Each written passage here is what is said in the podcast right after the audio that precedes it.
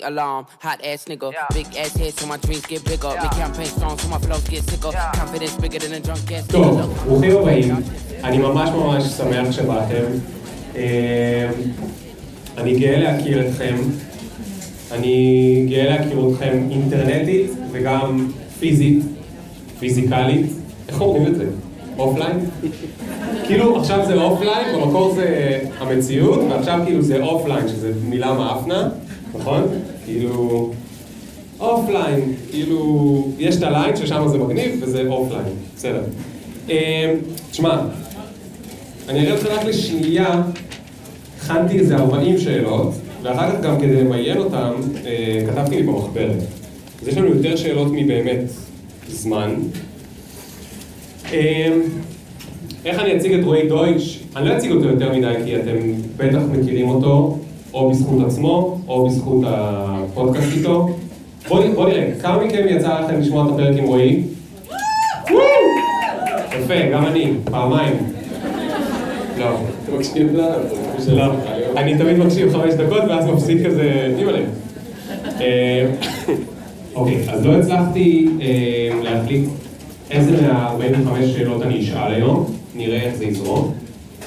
אבל את השאלה הראשונה החלטתי כבר. רועי דויטש, מה קורה? אה, לא, לא זו השאלה. מה הסיפור שלך? וואו. אה, קודם כל אני בהלם שיש לך בכלל שאלות. ואני כבר שבועיים, אני, כל פעם שהנושא של האירוע עולה, אני אומר לי, אבל יש לך מה לשאול אותי? יש מה- מה עדיין לחדש? יש משהו שלא דיברנו עליו? אה, ותכף נגלה, ליאור. נגלה. הלוואי. אה, אז לפני ה- לפני הסיפור, יש לי סיפור על סיפור. כשבאתי, אה, ניגשה אליי אה, אחת הבנות בצוות אה, המדהים שהפיק את האירוע. כל הכבוד לצוות המדהים שהפיק את האירוע. וואו, וואו, וואו, וואו, וואו, וואו. נכון, איזה פדיחה. היא שאלה אותי שאלה שלדעתי דן אריאלי כתב, הם אמרו לי, "אה, ליאור פרנקל לקח יין לבן, מה אתה תרצה? ואז יש לך אפשרויות. קודם כל אתה בתוך כאילו האולימפוס של אנשי העולם החדש, אתה לא יכול להגיד משהו אחר. אני רוצה יין אדום, אז אתה לא אוהב את ליאור פרנקל? חשבתי שאני בא להביך אותך, לי מה להביך אותי. ואז אה, לקחתי יין לבן, וזה הזכיר לי סיפור, לשאלתך מה הסיפור שלי, שפעם התחתנתי, לא כזה מזמן. מי שהתחתנתי איתו שירים יד. פה? כן? אה, מאחורי העמוד, כמה צפוי. אוקיי. הורמה יד. אה, אבל מי חיתן אתכם? הופה, אז מי שחיתן אותנו זה יאיר לפיד. אה, ויאיר יש לו בעיקרון קטע שאתם אה, אולי התרשמתם מהכתבות שלו ומהטורים, הוא עושה מה שהוא רוצה, והוא מחליט מה המציאות שהוא רוצה שתהיה, וכחלק מההחלטה שלו לגבי מה המציאות תהיה, אני הבהרתי 20 פעם, ואני כזה, היה לי נורא חשוב שהחתונה תתנהל בדיוק כמו שאני רוצה, שאני אשתה, שהיין שייתנו לנו זה יין לבן, למה? כי אני תמיד שופך על עצמי יין, תמיד, 100% מהמקרים, מי שהרסתי לו פה סבבה עם יין אדום, נא להרים יד, יופי. אה, הדס קוברמן, מתנצל. אה, אז, אה, אז כמובן כולם, כולם בחתונה שלהם מבקשים יין לבן, שלא ישפך להם על חולצה לבנה באמצע החופה. אה, ואז אה, מביאים את היין הלבן, ויאיר אומר, מה זה? צריך להתחתן עם יין אדום, באמצע החופה. אז אומרים לו, לא. באמצע. כן, כן, ואז אומרים לו, לא, רועי ביקש אה, יין לבן. אז אומרים לו, אתם תביאו יין אדום. אה, אה, חתונה זה גם ככה אה, סיכון מאוד גדול, שיתחיל לקחת סיכונים בחיים. וכאילו באמצע החובה אתה חושב לי כאילו יין אדום ליד, אה, לא שפכתי אותו. אה, וזהו, אז עוד הייתה, אגב, אז עוד הייתה פואנטה, לבש אגב. החתן לבש לבן? מה, מה? החתן לבש לבן? אני לא זוכר מה לבשנו באמת. אה, לבשנו חליפות? הגיוני. סך הכל, כן. זה עונה על השאלה או שאני צריך... לא, מה הסיפור שלך? מה הסיפור שלך רועי דויטש? תחדד את השאלה. בכוונה זו שאלה לא מחודדת. וואו, וואו, מה הסיפור שלי? דמיין שאנחנו נפגשים לאירוע הזה וזו השאלה היחידה שיש לי. וואלה, אוקיי. אז אה, מותר לי לענות כזה פילוסופי ודרמטי, אין לך שאלות. עכשיו יש לי מה. אמ, אתה יודע, אם שואלים אותי, נורא קשה לנו לדבר על עצמנו, אותי נגיד לימדו ב... אני, מתראיין כבר, לא יודע, 12 שנה. ופעם ראשונה שהציעו לי להתראיין, התקשרתי... חייבים פאוזה, אתה לא בן 16 או משהו? וכמה אתה היום? 27. 27, אוקיי. בפעם הראשונה שהתראיינתי, שהייתה בעצם לפני 14 שנה, התקשרתי לאורן ברמן, שדיברנו עליו גם בפודקאסט, ואני משתדל לדבר עליו בכל פודקאסט בעיקרון, והוא אמר לי, תשמע רועי, אף אחד עוד לא התחרט על רעיון שהוא לא נתן. משפט חכם, בדאגו נכון. ואני זוכר שההיערכות שלך כאילו לרעיון, וההיערכות שלך בכלל לתקשורת או לדיון, לכל מצב, למה רעיון זה מצב כל כך מסוכן? כי שואלים אותך על עצמך.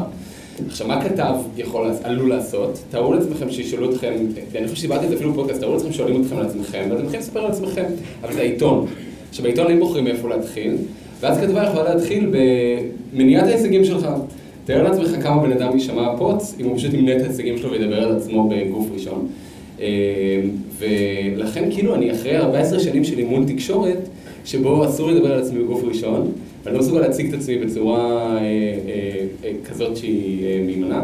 ואני כל כך נזהר, התראיינתי, מחר מתפרסם ראיון שידעתי בדה-מרקר, ודה-מרקר יש להם איזה סכסוך מתמשך עם יאיר לפיד, אפרופו יאיר לפיד, והם שאלו אותי, מה דעתך על יאיר לפיד?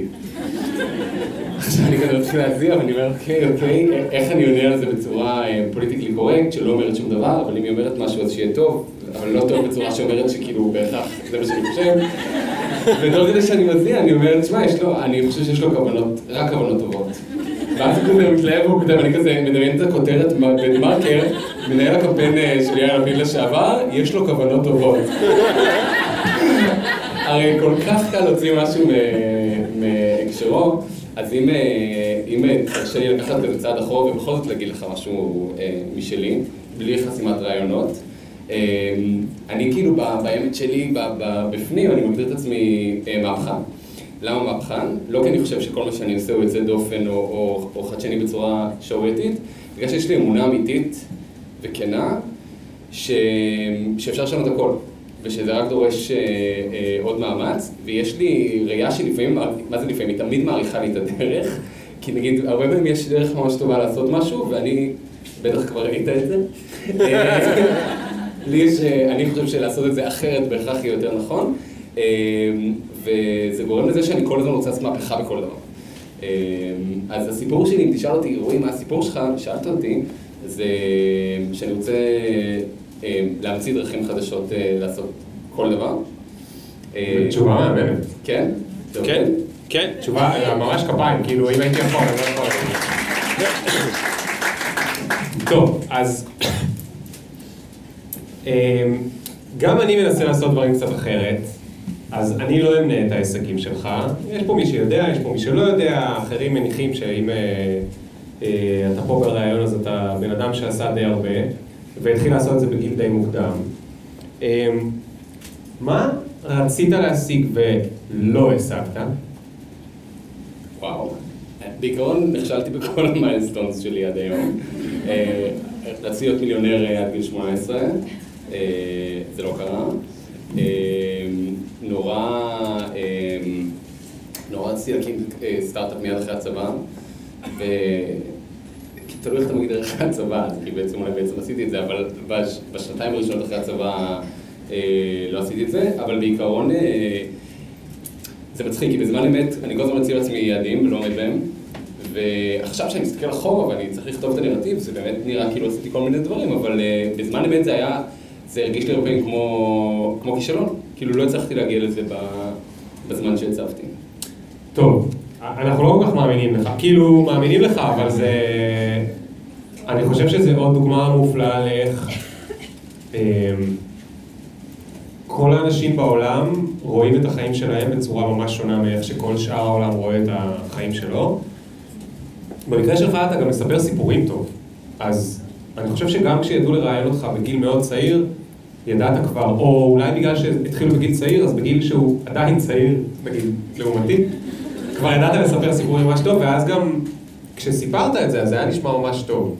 אז, אז קודם כל, אין לך מה להיות מודע, כאילו, בחוץ בטוחים שאתה השגת את כל המיילסטונים. אבל דיברתי על מה לא הצלחת להשיג, אז יש כן דברים שהצלחת להשיג בכל זאת. מה הדרך שלך להשיג משהו? אם אתה יכול לתת דוגמה על משהו, על מישהו, מה הדרך שלך להשיג את הדבר הזה שאתה רוצה? כי יש פה המון אנשים שיש להם המון אינטרסים להשיג המון דברים בחיים, והם מחפשים עוד דרכים חדשות או עוד סיפורים על דרכים ישנות. זה כאילו מדהים, זה שאלות שלא שואלים אותך אף פעם, אני כל כך... וואו. אה, אני מבין למה אתם פה. באמת אה, משהו משהו. אה, אגב, ככה נראים הימים שלי מאז שהכרתי את ליאור, אנחנו כאילו פשוט משפריצים ניטים אחד על השני. אז אני רוצה לומר שזו שנה מעולה. התשובה שלי היא שאני מתעלם באופן מוחלט ומודע מהחוקים, כי אני חושב שהם מומצאים, כולם. אה, באופן כללי הכל מומצא, אני לא יודע אם אמרתי את זה ב... עכשיו, אני מבחינתי אף אחד לא שמע את הפודקאסט, אבל אני פשוט אומר את האמת שלי שהיא הייתה אותו דבר בפודקאסט. אה, אני חושב שהכל מומצא, חברות זה דבר מומצא, חוקים זה דבר מומצא, מערכת זה דבר מומצא, וזה אומר ש... אה, ובטח בטח בישראל, כמעט כולם מזמינים אותנו כל הזמן לשבור את החוקים, וכמעט מצפים לזה מאיתנו. אם אתה תלך בדרך הרגילה, יתייחסו לך באופן הרגיל, ואיך אנשים בישראל מתייחסים לאנשים אחרים. לא משהו. אני שמעתי חרא, אני שומע. כן, אני ראיתי בעיקר צקצוקים, לא יודע. אז אם תחתכו דרך ה... אני פשוט למדתי שכשאתה הולך לא לפי החוקים, וגם לפי החוקים הבסיסיים ביותר של החברה, אני כאילו כל פעם עוצר, קודם כל אמרת שאני מספר סיפורים טוב, טוב ותודה. הסיבה אולי לזה נטועה בזה שאימא שלי מדברת בסיפורים. כל דבר יש לה סיפור, שהוא חצי בטוניסאית, חצי בצרפתית, חצי בעברית, שהיא למדה בילדותה, אה, והיא תמיד אה, נותנת ככה את הדוגמאות ואת המשלים המאוד ציוריים האלה.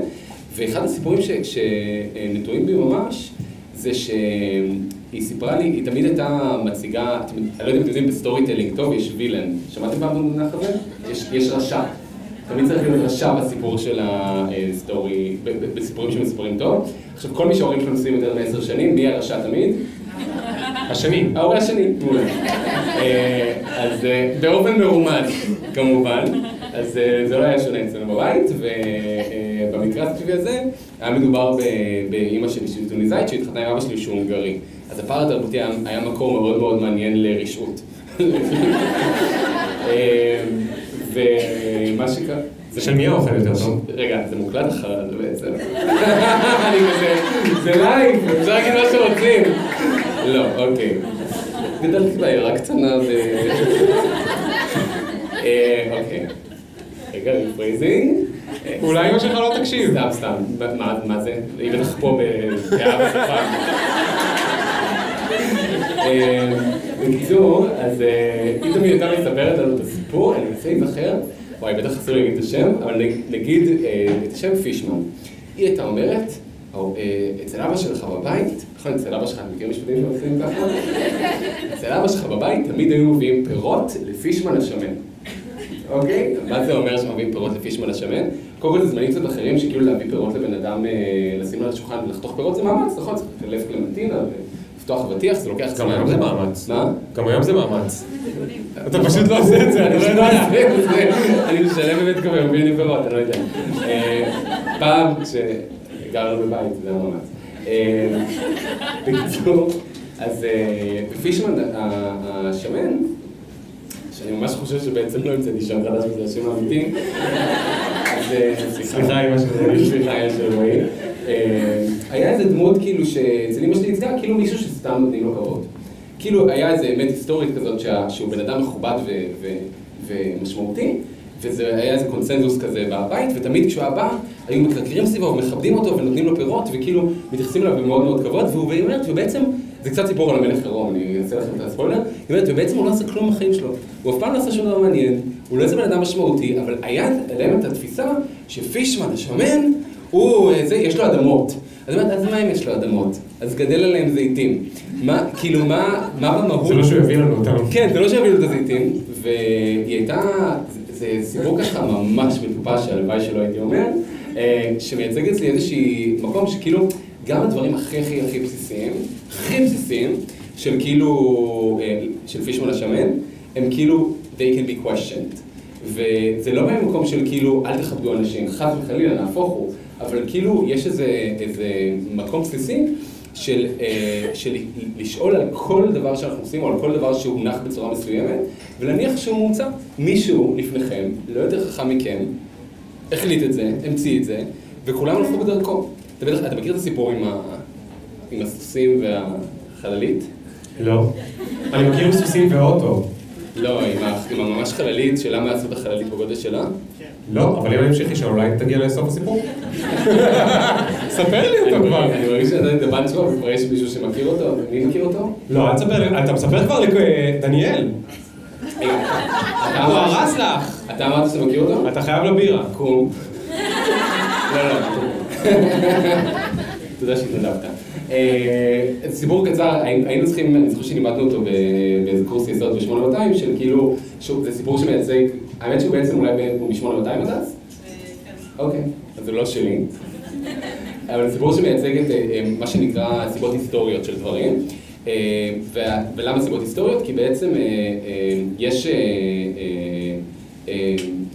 כשהיו צריכים לעשות את הנתיבים הראשונים לתחבורה, מה היה כלי תחבורה המשמעותי הראשון גלגלים? כרכרות. השבילים היו מתוכננים לפי גודלם של כרכרות. לפי מה תוכנו כרכרות? סוסים? לפי, לא סתם לפי סוסים, לפי איזה חלק בסוס. ישוונם... בתחת. כן, הכרכרה היא בערך ברוחב של שני... להגיד תחת. של ישוונם של שני סוסים, ואפילו יש את הזן של הסוס שלפיו תכנו את התקן הרשמי. אתם יודעים שלכל אה, תקן, מילה תקן של מידה, בסוף כשאתה הולך אחורה זה כזה יחידת ברזל, או תחת של סוס, או משהו כזה מאוד בסוסי. אז אה, זה הגדיר את גודל אה, הדרך. שלב המציאו את המכוניות והתחילו לסלול כבישים, כי היה צריך אספלט בשביל מכוניות. אז פשוט היה מקום כבר שהיה בו את הדרכים, אז פשוט סללו שם אספלט וזה נהיה כבישים. והמכוניות עצמן מראש תוכננו לפי הכבישים האלה, שמראש תוכננו לפי השנם של סוס, וואו, איזה קדמה, אוטו, אבל בעצם לפי תחת של סוס. אה, מה שמעניין אבל זה שכשהיו צריכים להטיס בן אדם לירח, המקום שבו מטיסים את המעברות של נאס"א והמקום שבו מייצרים אותם, מרוחקים מאוד. עכשיו, עכשיו תחשבו שנייה, רגע, צריך לשנע חללית. אה. אי אפשר לשים אותה על מטוס, נכון? אי אפשר להושיט אותה באונייה, אז היה צריך להסיע אותה, אתה יודע, גררו אותה ממש במשאית. אז מה הגודל של חללית של נאס"א שפאקינג מטיסה אנשים לירח? תחת של מטוס. היא ממש מותאמת לרוחב המקסימלי של כביש תקני בארצות הברית. אמ, וזה מעיד על כמה אנחנו לפעמים אה, תלויים בנסיבות היסטוריות שהן בעצם קצת מטובשות ולא רלוונטיות לזמננו, או כפי שאתה נוהג לומר, לעולם החדש. אוקיי, מאוד, סיפור יפה מאוד, הסכמתי. טוב, אני לא יודע, וואי, יש לי פה כל כך הרבה שאלות, אני לא יודע איזה מהם לשאול, כולם אה, מעניינות אותי. אה, אני מכיר את רועי, ואחד החוקים היחידים שלי לשאלות היו, שזה אף שאלה שאני יודע עליה את התשובה, אוקיי? אז אני פה סקרן לפחות כמותכם. אתה יכול לספר בקצרה אה, מאיפה יאיר לפיד שלף אותך? אתה יכול לנסח את זה בצורה מעליבה אולי? לא, כאילו, אוקיי, אה, זה, זה, הוא היה אה, משהו, קמפיין דיגיטלי אצל יאיר לפיד. ובהקמת המפלגה, נכון? אבל רגע לפני זה, כאילו, איך זה קרה? אני רוצה לדעת את הסיפור, כאילו, היה טלפון, היה אס.אם.אס, היה שליח, היה סוס, איך זה, אני סתם מת לדעת, סיפור קטן ונמשיך. וואו. אמ, אתה לא זוכר? לא, יש גרסאות, אה, זאת האמת, אבל אה, אני אגיד לך את הצד של המפלגה ואת הצד שלי. הצד של המפלגה הוא שיאיר הקים מפלגה. יאיר. איזה מתנצל זה, יאיר הקים מפלגה, משתלם עשית שם פרטי. יאיר. כן, יאיר. אז יאיר לפיד הקים מפלגה, ובגלל שהוא היה הדמות הפופולרית, הוא באמת היה הדמות הפופולרית ביותר בישראל בשנת 2012, ובמשך שנים עד שהוא יצא לפוליטיקה, ואז הוא הפסיק להיות הדמות הפופולרית ביותר בישראל, אבל בזמן שהוא היה הדמות הזאת, הוא הודיע שהוא יוצא לפוליטיקה, והיה היסטריה. הם לא היו עורכים בכלל לעשרות אלפי הפניות והמיילים וה, וההתלהבות וה, והאקסטזה שהייתה סביב היציאה שלו לפוליטיקה. ומנגד, וזה הרבה פעמים הפער בין כאילו באז לבין המציאות.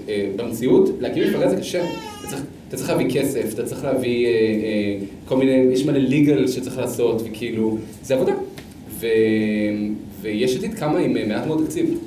ואחד הדברים המאוד מאוד, זה מאוד חדשים אז, והכלים שאם, תראה, יושבים ארבעה אנשים חכמים בחדר ב-2012 ואומרים איך ננצח בבחירות בלי תקציב, אז אחד התשובות, מישהו שולף ואומר, אה, אובמה ניצח עם האינטרנט הזה. נכון, יש את הדבר הזה, נו, ניו מדיה. הטוויטר. הטוויטר, הטוויטר.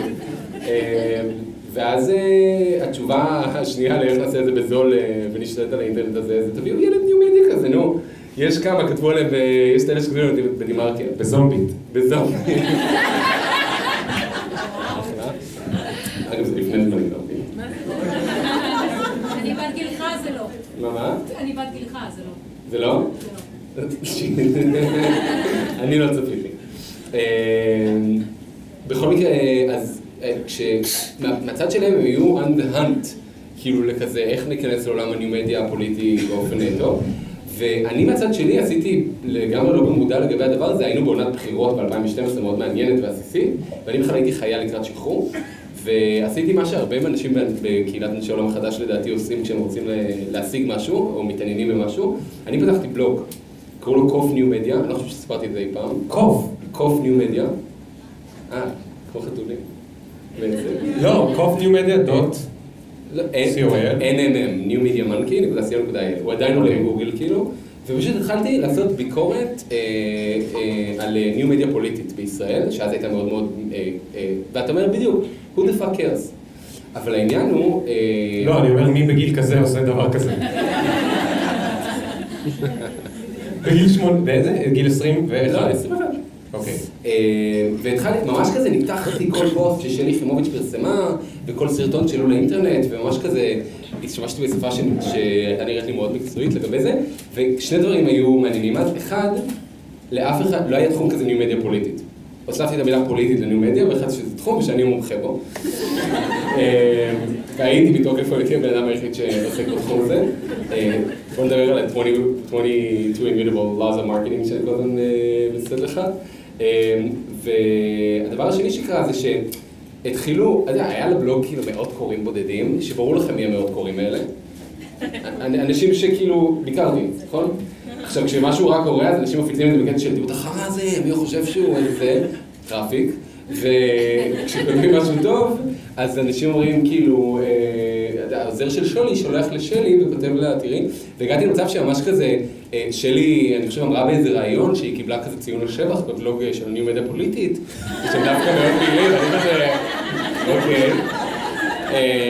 ואז, אתה יודע, גם בישראל נורא עצלנים, אז כאילו, כתב עושה כתבה משעממת על כזה, הפוליטיקאים נכנסים לאינטרנט. ואז הם, הוא, אתה יודע, עיתונאים בישראל עובדים כאילו מעט מאוד, הרבה, כאילו, הם הרבה צריכים לעבוד, הם לא עובדים מעט מאוד שיט. עובדים המון שעות. כל העיתונאים עכשיו, כאילו, זהו. לא, אני אומר, עובדים מעט מאוד מבחינה של, יש להם, יש מעט עיתונאים על הרבה מאוד חומר, זו המדינה עם הכי הרבה חדשות, יש להם מעט זמן לעבוד על כתבה, אז מה עושה עיתונאי כשהוא צריך למצוא מרואיין טוב או משתתף טוב? הוא כותב בגוגל מה שהוא צריך, ומי שעולה ראשון הוא כנראה הכי חכם. ואגב, זה גם הרבה פעמים נכון. ובמקרה הזה, אתה יודע, פתאום נהייתי כזה הבן אדם שמזמינים להתראיין בטלוויזיה וברדיו על הנושא הזה. עכשיו... רגע, רגע, רגע, אפשר לעצור את זה שנייה? כי זה באמת אחלה האק. היום ב-2017 זה היה עובד? בטח, אתה יודע.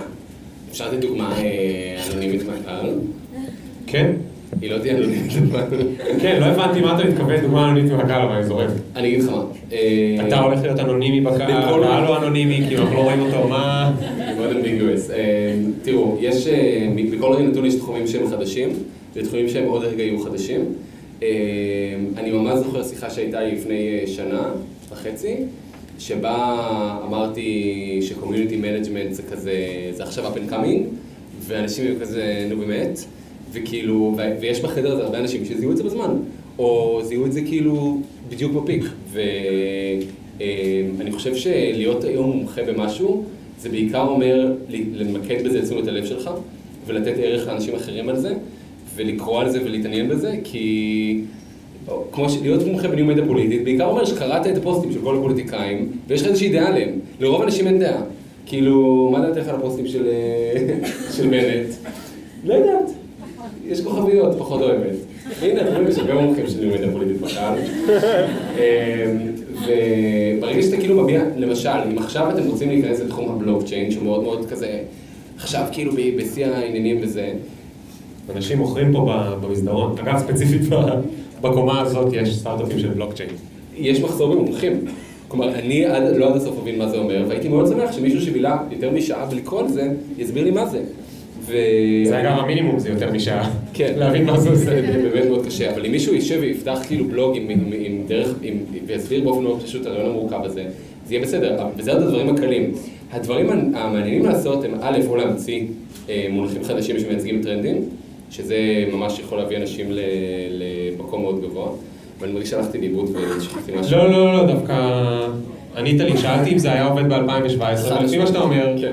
כן? כן, זה לא, ש... זה לא רמאות, זה כאילו, אתה יודע, בסוף גם כשנכנסתי ליש עתיד, אה, זה הוכיח את עצמו, כאילו ניצחנו בבחירות, לא, לא בזכותי, אבל כאילו, אבל הפייסבוק שלי היה נהיה הפייסבוק הפוליטי הכי מצליח בישראל, ובאמת באמצעות ניו מדיה, והשקענו את הקמפיין שלנו רק בדיגיטל, וכאילו זה היה, זה היה מאוד מצליח, זה לא שכאילו, היה לי גם את הרקע המתאים בניו מדיה, והיה חסר לי רגע בפוליטיקה, אבל בישראל כאילו אתה רק צריך לקרוא עיתון שלושה ימים ואתה כבר כאילו מאוד פוליטי נהיה.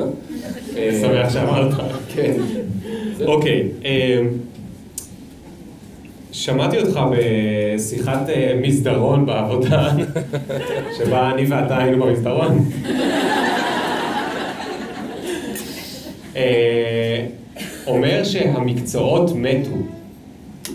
מה, למה אתה מעליב? אמ, ומה, מה, למה אתה מתכוון, לעזאזל? למה אני מתכוון? אז אה, אני חושב שפעם, אותי לא גידלו ככה, אבל אני יודע שגידלו הרבה מהחברים שלי ככה, ובטח בטח דורות אה, אה, קודמים, אה, שהדרך הכי טובה להצליח זה להיות מומחה. ככל שתהיה יותר מומחה במשהו, ככל שתעמיק יותר במשהו אחד, ככל שתבין יותר באופן אמיתי וכנה, ככה תוכל למתג את עצמך, ואחרי באמת 10-15 שנים תוכל להפוך להיות אפילו המומחה הגדול בתחום. העניין הוא שלדעתי זה לא כל כך נכון כבר. למעשה אני חושב שדווקא המומחים הם קצת commodity מהבחינה הזאת, שאם אני רוצה עכשיו להקים חברה בתחום כלשהו, או להיות, או להיות, או להתעסק בתחום כלשהו, אז כשאני צריך marketing, אני אלך למומחה marketing, ויש dime a dozen, נכון? יש מיליון מומחי marketing. דווקא מי שמנצח היום, לדעתי, בשוק ההייטק במיוחד ובעולם החדש באופן כללי, זה אנשים שהם, יש לי חבר שקורא לזה מעמיקים לרוחב, מולטי טאלנטים. אני קורא לזה קולבויניקים, אני מאוד אוהב את הביטוי. אני חושב שקולבויניק, העתיד שייך לקולבויניקים. כלומר, אנשים שיודעים לעשות קצת, הרבה דברים. אני מנסה להיזכר, כאילו, אני, אני, אני לא יודע מתי להגיד את זה, אבל אני, אני עוקב שקט נלהב אחרי הקבוצה. נכון, פעם אחת יצא לך קומנט אחד. כן, היה מאוד מוזר. כן, פעם עשיתי קומנט ולראות אתה עוקב אחרי הקבוצה? אמרתי, לא, פתאום. זה הדס מהמחשב שלי. וכאילו שהדס תקבל גישה למחשב. בוא נדבר על זה אחרי זה. אני והדס פשוט עושים אחד לשני פיגועי פייסבוק כבר עשר שנים. דוגמאות, רגע, בוא נעצור הכל, נשכח על מה דיברנו. דוגמאות לפיגועי פייסבוק. אמיתי? אמיתי. מה, את הצד שלי שמעולם לא חשפתי, ידעת.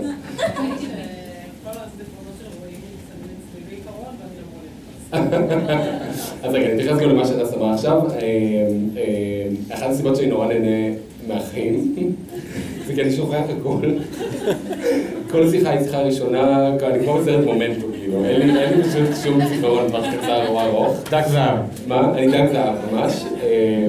ואני חושב שזה כמעט הפרעה, כי כאילו, גם הרעיונות שלי, נגיד יש לי רעיונות שניכר שיש עליהם, אתה חווה אותם הרבה, ניכר שיש עליהם הרבה עבודה, ואני חווה אותם כאפיפנים, כאילו אני עכשיו.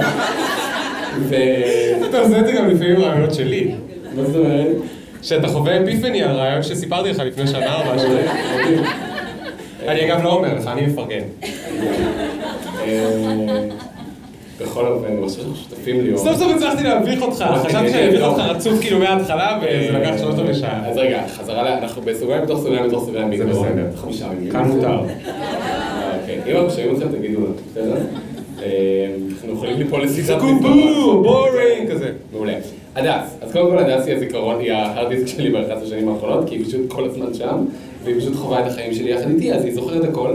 ואז מה שהיא עושה, היא גילתה טריק ממש טוב שמאפשר לה לא להיות מקסימה או קריזמטית בפני עצמה, כי היא פשוט יכולה לספר לי דברים שאמרתי, ואז אני נורא צוחק, ואז היא אומרת לי, וואי, אתם יודעים, לך ולך יש את אותו הומור.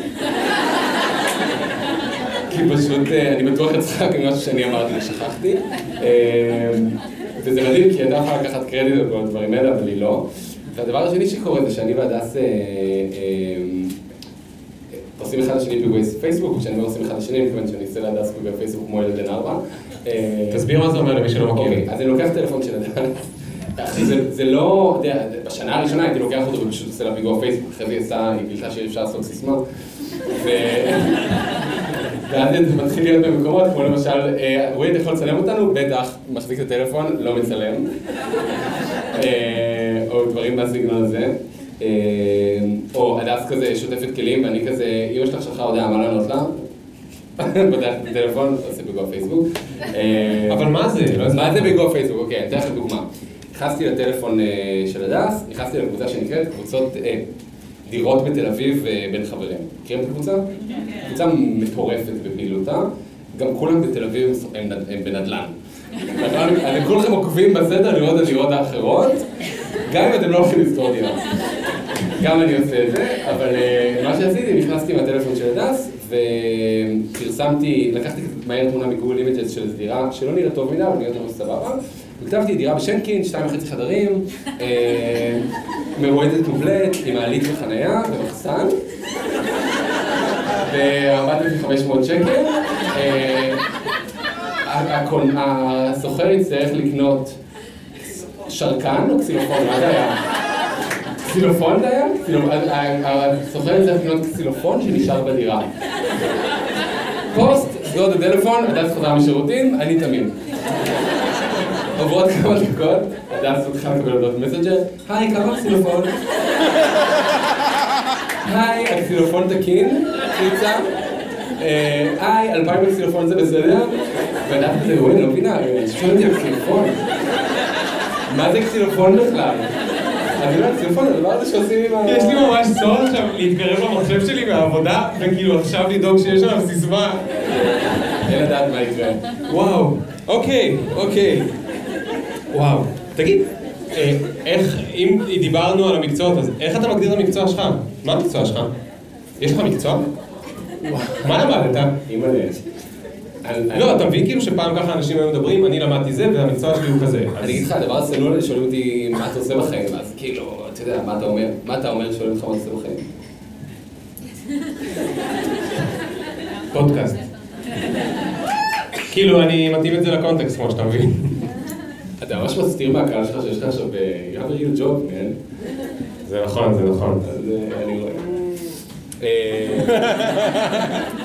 סתם שלא תתבלבלו, ליאור מגיע כל בוקר, ועושה עבודה. ראשון לפעמים. מדהימה, בדרך כלל. אה, טוב, מה. הכל בגלל שאתה רוצה להמציא דברים מחדש, גם את מה שכבר עשיתי מלא פעמים, ואני יודע איך. אה, מה המקצוע שלי? יזם, אני אומר בזמן האחרון. אני מאוד אוהב את זה, כי יזמים כזה ממציאים משהו והם עושים לבד. אה, או כזה מובילים אה, משהו חדש. אה, פעם הייתי אומר, אני מאוד פעמים אומר שאני איש שיווק. זה בעצם משתמע עכשיו משהו שהוא בעצם המציאות, שאני בעצם כל פעם אותי אם אני ממציא משהו אחר. אז, אז איש שיווק אני מאוד אוהב. אני גם מאוד אוהב לומר שאני כותב, נורא נורא נורא אוהב לכתוב. אני לא עושה את זה מספיק. אבל... אז אין לך מקצוע. כאילו אם היית שואל אותי הייתי אומר שאני איש שיווק כנראה. היית אומר קולנועניק? אה, כן, יכול להיות. אני לא הייתי אומר את זה, אבל הייתי מרגיש את זה, זה כאילו, זה קצת קאט להיות קולבויניק. כי שנים לימדו אותנו שזה משהו שלילי, אבל בעצם אה, האנשים הכי מצליחים שאנחנו הכי... אתה לא קולבויניק? אדון פודקאסט? אני לא- אני כן, אני כן. אבל שואלים אותי כאילו, אוקיי, אז מה, יש אה, שותפים בסטארט-אפ, כן? אוקיי, אז מה רועי עושה? הרי אין, זה לא חברה של אלף איש, רועי אגב הוא המנכ"ל של החברה שאני הצטרפתי אליה, ג'ולט, אז זה לא חברה של אלף איש, ששם המנכ"ל הוא כאילו, כל מה שהוא עושה זה ממנכ"ל. זה 19 עכשיו? 19 אנשים, זאת אומרת שכולם גם באמת עובדים, ורועי גם לא, גם אם הוא לא היה רוצה, הוא היה חייב גם לעבוד. אז שואל אותי לפעמים, מה, אז אוקיי, אז על מה רועי אחראי? תראה, אני נתקע על. אה, על, וכל פעם אני עונה משהו אחר, אני לא יודע מה להגיד, צריך להתפקס, אחי. סתם, סתם. אתה יודע מה המקצוע שלי? מישהו יודע מה המקצוע אוקיי, רגע, שלי? יש לי שני- שני דברים. אני רוצה לגמור עם זה כבר, כי אני מרגיש כאילו כל החיים אני סוחב את זה. די, אין לי מקצוע, בסדר? אין לי. זה בסדר. אוקיי. אמא שלי אגב מקשיבה לפודקאסטים. וואלה. כן, אבא ואמא שלי גילו את הדבר שנקרא פודקאסט, כי הם היו באיזה נסיעת אה, שלושה חודשים במינכן, ומשעמם להיות רחוק מהנכדים, אז אה, הורדתי להם אה, את התוכנה של הפודקאסט, וזה נורא מצחיק. במטוס הם נורא חמודים, כי זה נורא רומנטי, הם שומעים ביחד.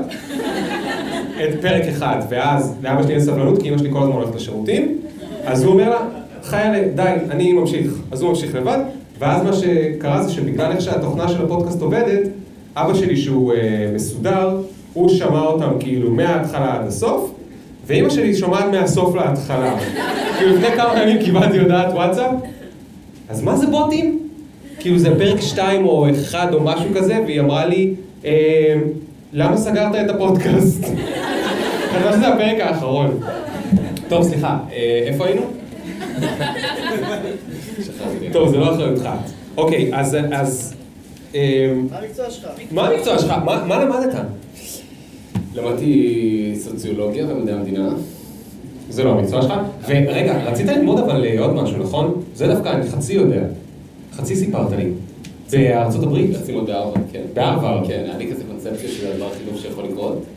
אה, אבל אני רוצה לומר ש... רגע, אז למה לא...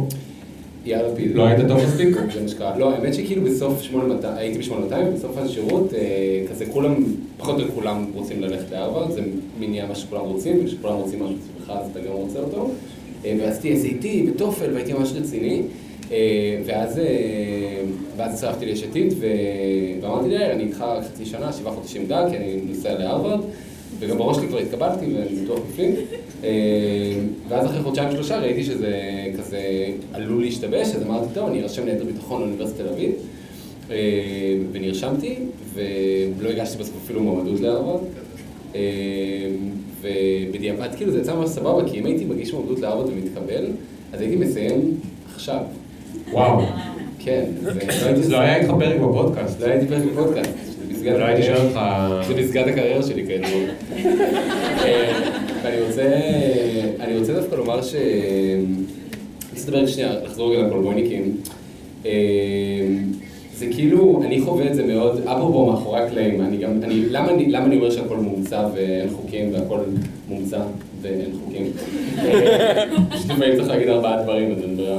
אה, אז אה, אני אומר את זה כי מהזווית שלי, אני התחלתי בתקשורת, הייתי כזה, הייתי עיתונאי, ואחרי זה הייתי במודיעין, אז ראינו כזה ממש את המאחורי הקלעים של הפוליטיקה והמציאות וזה, והמציאות המדינית, ואז אה, בודיתי בזירה הפלסטינית, שזה כזה ממש הארדקור של המציאות היומיומית, אחרי זה הייתי בפוליטיקה, היית במודיעין, לא? הייתי ב-8200, כן. אז בזירה הפלסטינית זה לא כאילו שהיית בזירה הפלסטינית, נכון?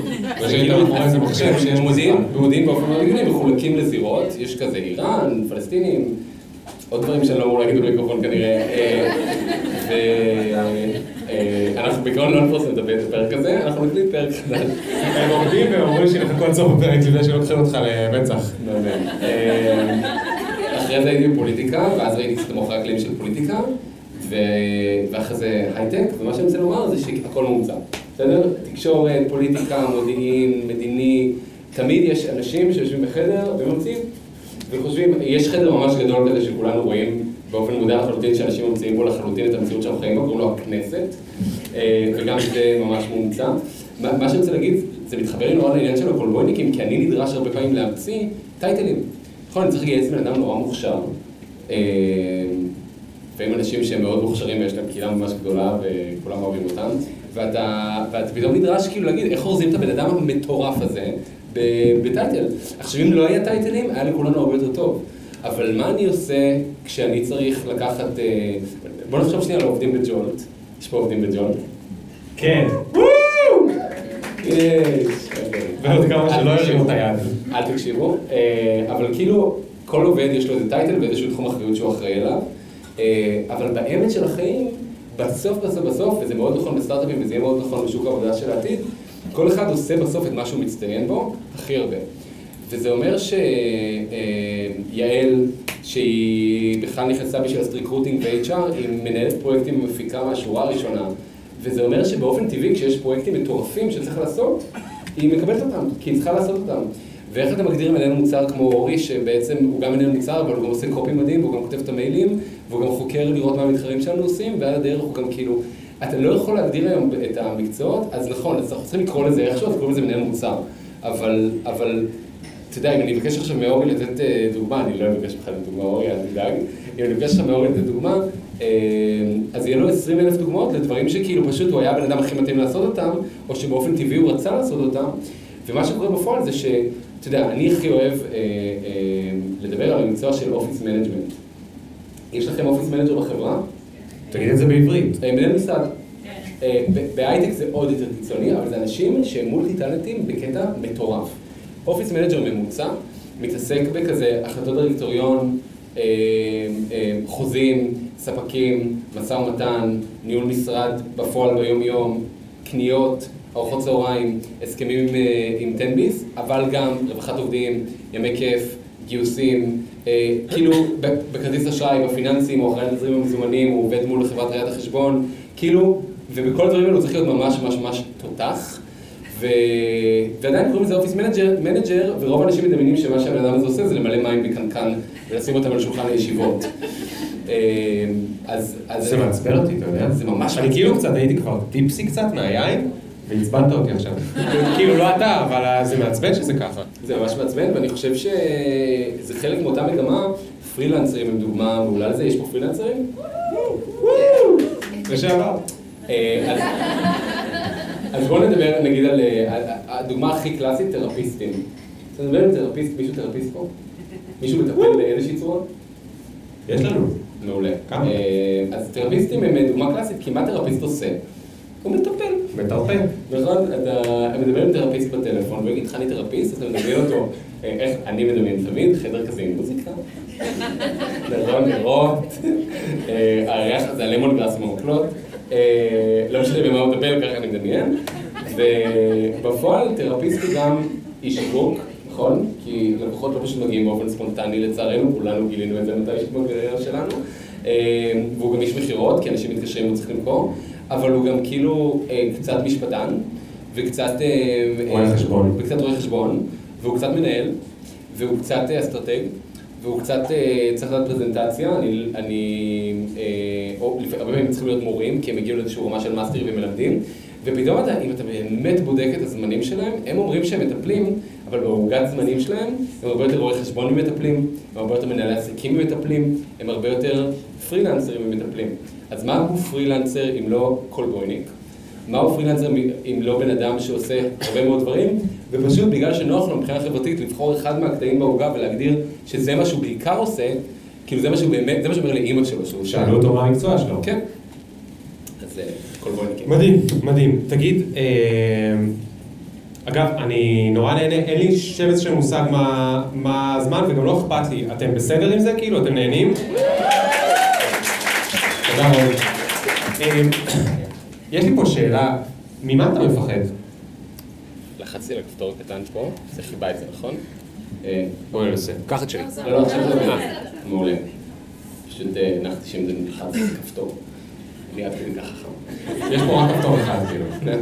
You had one job, מה שנקרא. כן. מה?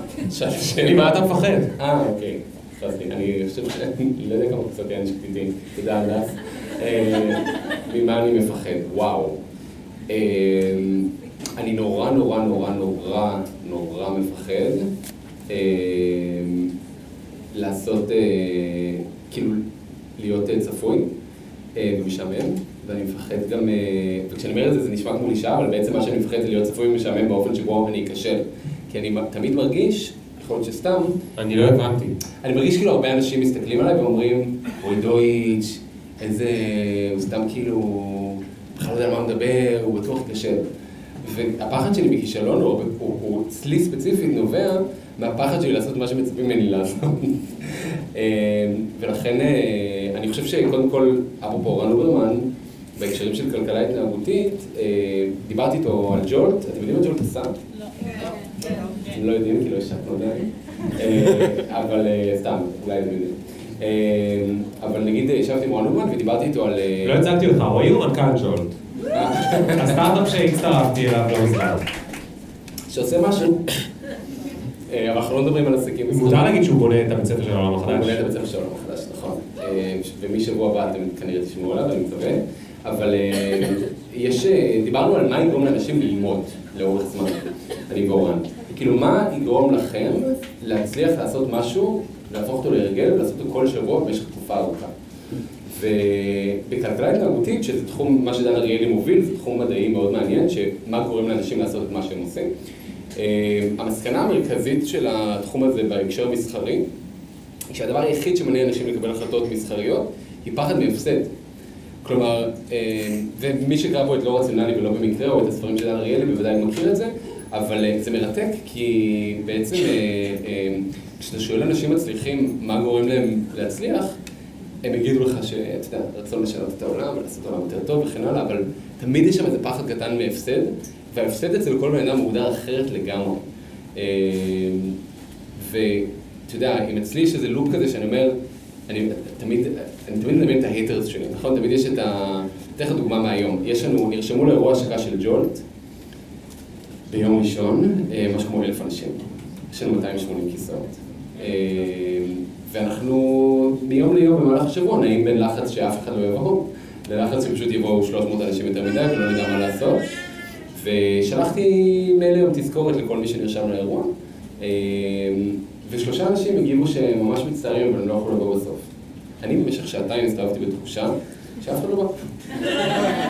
כל האנשים, ללא יוצא מן הכלל, שקיבלו את המייל, קראו אותו ואמרו, השטות הזאת שנרשמתי לה באינטרנט שאין שום סיכוי שאני אקח בה חלק.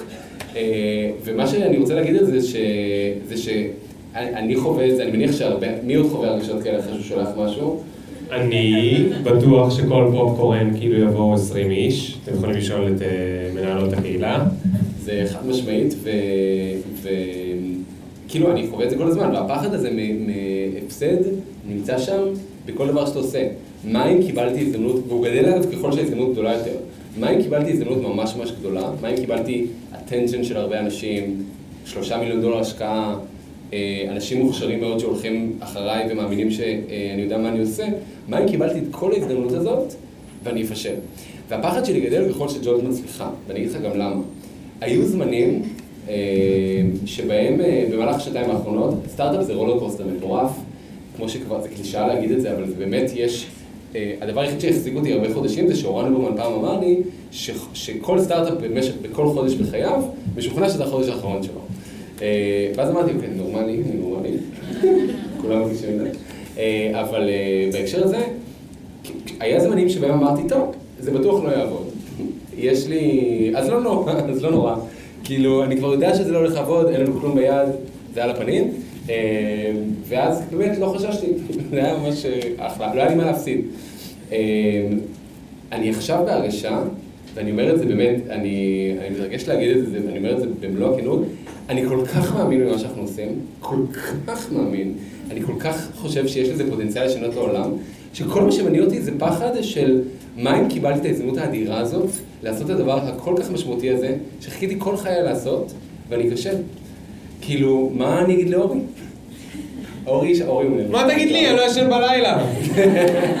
בסדר, אתה, אתה יודע, מה שלך?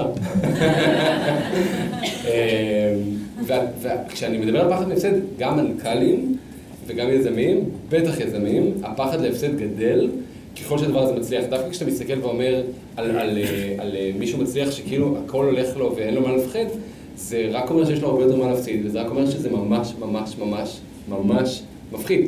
אני הגעתי למצב שאני מזהה ימים כאלה שבהם אני מונע מפחד, ואני מנתק מגע. אני נעלם, אני לא עונה למיילים, אני זה, לא כי אני כאילו מאבד את זה ואני לא יכול זה, לא, כי אני באופן מודע אומר, אני אקבל החלטות מפחד עכשיו, וזה לא זמן טוב להעניק בו. זה די מדהים, כאילו, איך הגעת לסלף אווירנס הזה? ל- אחרי שעשיתי כמה שטויות ממש גדולות, מתוך פחד. אוקיי.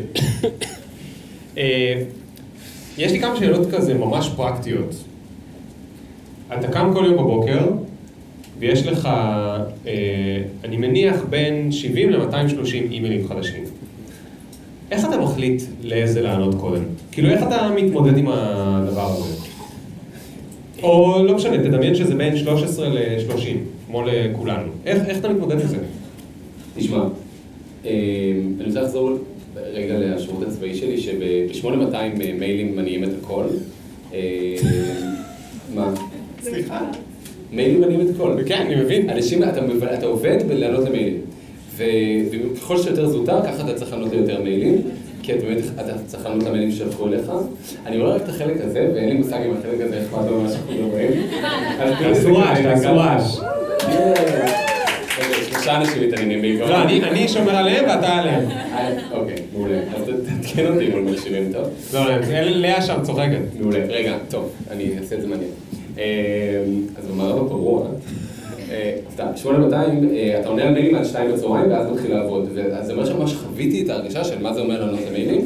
וההחלטה המרכזית שקיבלתי בשנה האחרונה בג'ולט, כשהגעתי למצב שהמיילים הם לא הגיוניים, וכל העובדים של ג'ולט יסלחו לי שאני אומר את זה, זה פשוט לא לענות למיילים. אני לא קורא אותם, אני לא עונה להם. הרבה פעמים אני עונה למייל חמישה ימים אחרי, שמונה ימים אחרי. גיליתי שזה גורם לי להיראות ממש מסודר, כי שמונה ימים אחרי שמשהו התחיל, אני שולח כזה, מה קורה עם זה? כי בעצם רק הגעתי למייל פעם ראשונה, אז אני נראה כאילו, וואי, אני רואה יש טבלה ממש מסודרת של כל מה שקורה בעולם. אבל מה שקורה בפועל זה שאני יוצא לתיבה שלי, בניגוד אגב מוחלט לליאור שהוא פנאט ומגיע בארבע בבוקר וקורא את כל המיילים שלו לפני השעה חמש. אני לא קורא אותם, אבל אני מטפל בהם. התיבה ריקה. התיבה תמיד ריקה. איכשהו. כאילו, מה שליאור עושה בג'ולט מאס שהוא יצטרף, לעשות רענן לתיבה, ולוודא שהיא נשמעת ריקה. לא יודע, זה מהזווית שלי מה שנראה. עשית עוד משהו? לא, לא, מבחינתי זה טוב שזה מה שאתה חושב. מעולה. אז אני נותן לזה להרים עד כזה 100, 150, 150 אני גם מתחיל להגיד אוקיי, סבבה. ומסנן ביום יום את הכזה זבל. כלומר, אני בעצם קורא רק את הזבל, אני מסמן כל מה שאני יודע בוודאות שהוא גרוע, מוחק אותו, ואז אומר, אה, מעולה, עכשיו התיבה שלי נקייה, כי כל מה ששם חשוב. אוקיי, עוד שאלה פרקטית. אתה תהיה שכיר מתישהו? וואו. הייתי פעמיים בחיים שלי, שתי הפעמים זה היה קשוח מאוד. פעם אחת בקשת. אגב, גם בצבא היית שכיר. הייתי פקוד. זה הבדל מאוד משמעותי. כמו כפו את זה עליי. אבל הייתי שכיר בקשת שלושה חודשים, זה היה מאוד קשוח. כזה לשבת ב cubicle עם תאורת פלורסנט, אפילו שאתה פוגש celebrities במעלית, זה היה לי מאוד קשה. והפעם השנייה הייתה שהייתי מנכ"ל שכיר של סטארט-אפ. זה דבר מאוד משונה להיות מנכ"ל שכיר של סטארט-אפ, כי מנכ"לים של סטארט-אפים מתאבדים, הם מתאבדים שיעים, זו עבודה מאוד מאוד קשה, שאתה עושה את זה בשעון ויש עליך מלא אחריות. לעשות את זה כשכיר זה ממש ביזארי.